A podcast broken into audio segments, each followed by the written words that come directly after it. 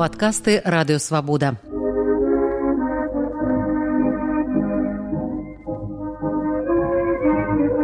Сто гісторый пра БНР Сергеем шупам.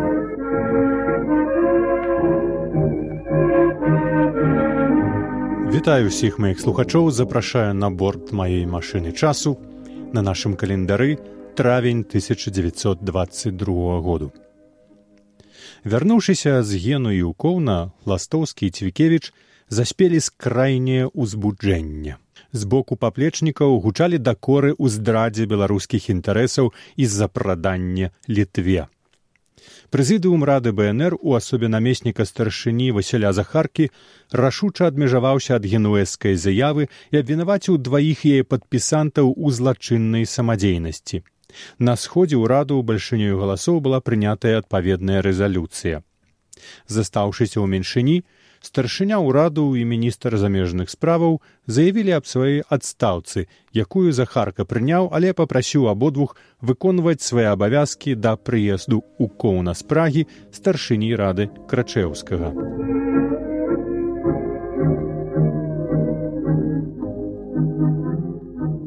Вырашыць пытання з адстаўкай ластоўскага ніхто толкам не мог, бо для прызначэння новага прэм'ера трэба было сабраць пленум рады, што ў тых абставінах было малаверагодна.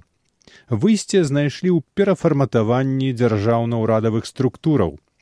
11 кастрычніка 1922 году была ўтвораная дзяржаўная калегія бнр якая пераймала кампетэнцыі груасткай рады фактычна была перанятая ідэя луцкевічавай найвышэйшай рады бнр на чале дзяржаўнай калегіі стаў яе ініцыятар пётр крачеўскі ластоўскі застаўся прэм'ерам і ўвайшоў у калегію разам з цвікемічам жытлоўскім і зайцам.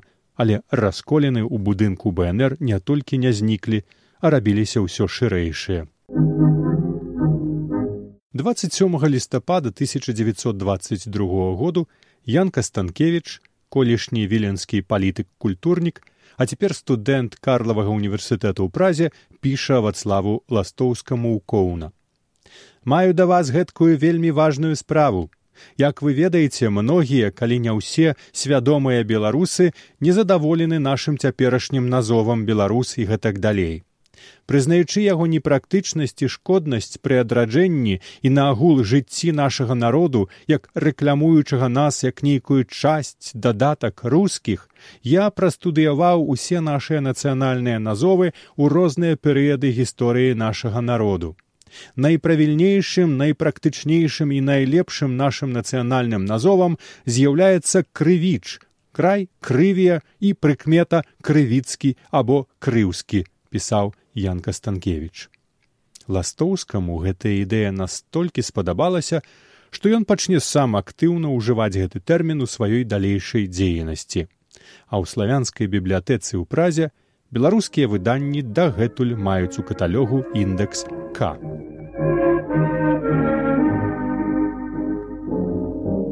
былы консул бнр у канстантынополя а цяпер таксама праскі студэнт иван ермаченко піша вацлаву ластоўскаму гэткае. Прашу вас калі можна прыслаць мне гістарычны матэрыял аб паходжанні беларусаў ад хеттаў. Я хачу даказаць гэтым бязграматным у гісторыі людзям якія нават вашага аўтарытэту па гісторыі не вызнаюць.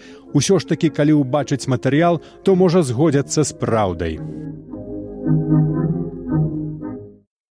Тэмай, якая немінуча вяла да канфлікту паміж кіраўнікамі БНР былі фінансы. Яшчэ на пачатку 21 году праз берлінскую місію БНР былі навязаныя кантакты з нямецкай экспартна-імпартнай фірмай івэг і падпісаныя гандлёвае пагадненне. Урад БНР прыняў на рэалізацыю розныя прамысловыя і спажывецкія тавары.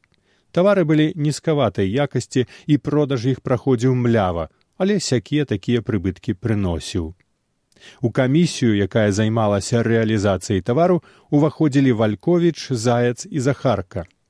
І вось у 22 годзе прэм'ер ластоўскі заўважыў, што на афіцыйных урадавых рахунках грашовыя паступленні з продажу не заўважаюцца.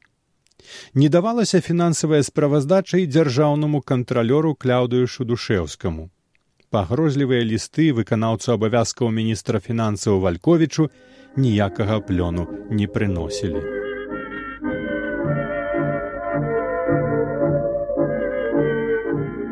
Тым часам прайшло два гады ад падпісання дамовы паміж БНР і літвой. Аднак дамоўленасці тыя засталіся на паперы. Рэаль-палітык узяла сваё. Страціўшы надзеі адваяваць вільню з магчымай дапамогай беларусаў, літоўскія ўлады фактычна забылі пра іх існаванне, а надзеі на вырашэнне віленскага пытання ўсклалі на міжнародныя інстытуцыі.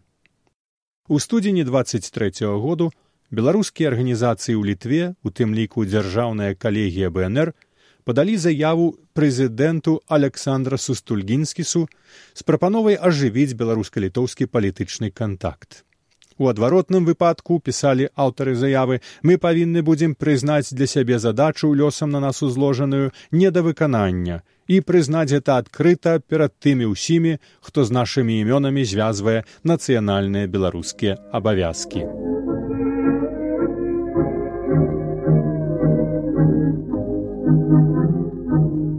Канфлікт у нетрах БНР дасягнуў апагею, калі ластоўскі пажадаў папрысутнічаць на пасяджэнні гандлёвай камісіі вальковіч заяц захарка, але яго адтуль проста прагналі. На пісьмовае патрабаванне падаць фінансавую справаздачнасць вальковіч адказаў ругательным лістом.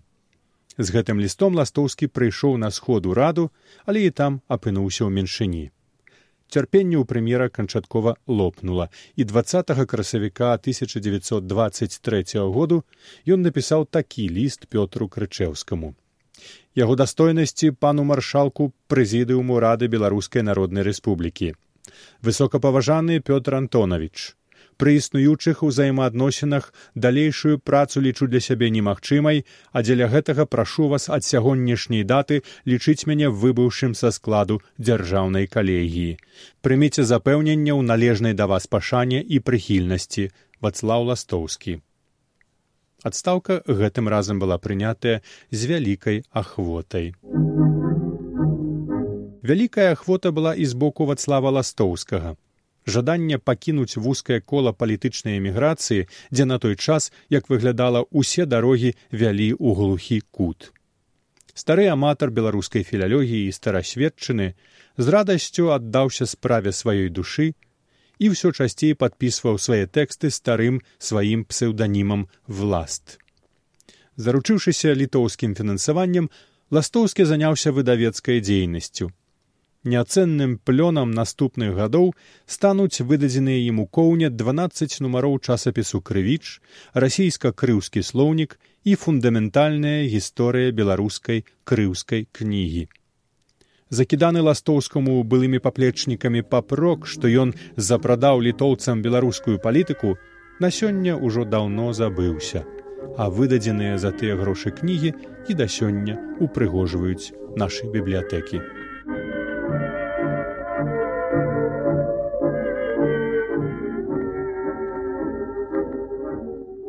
Вы слухали падкаст радыёвабода.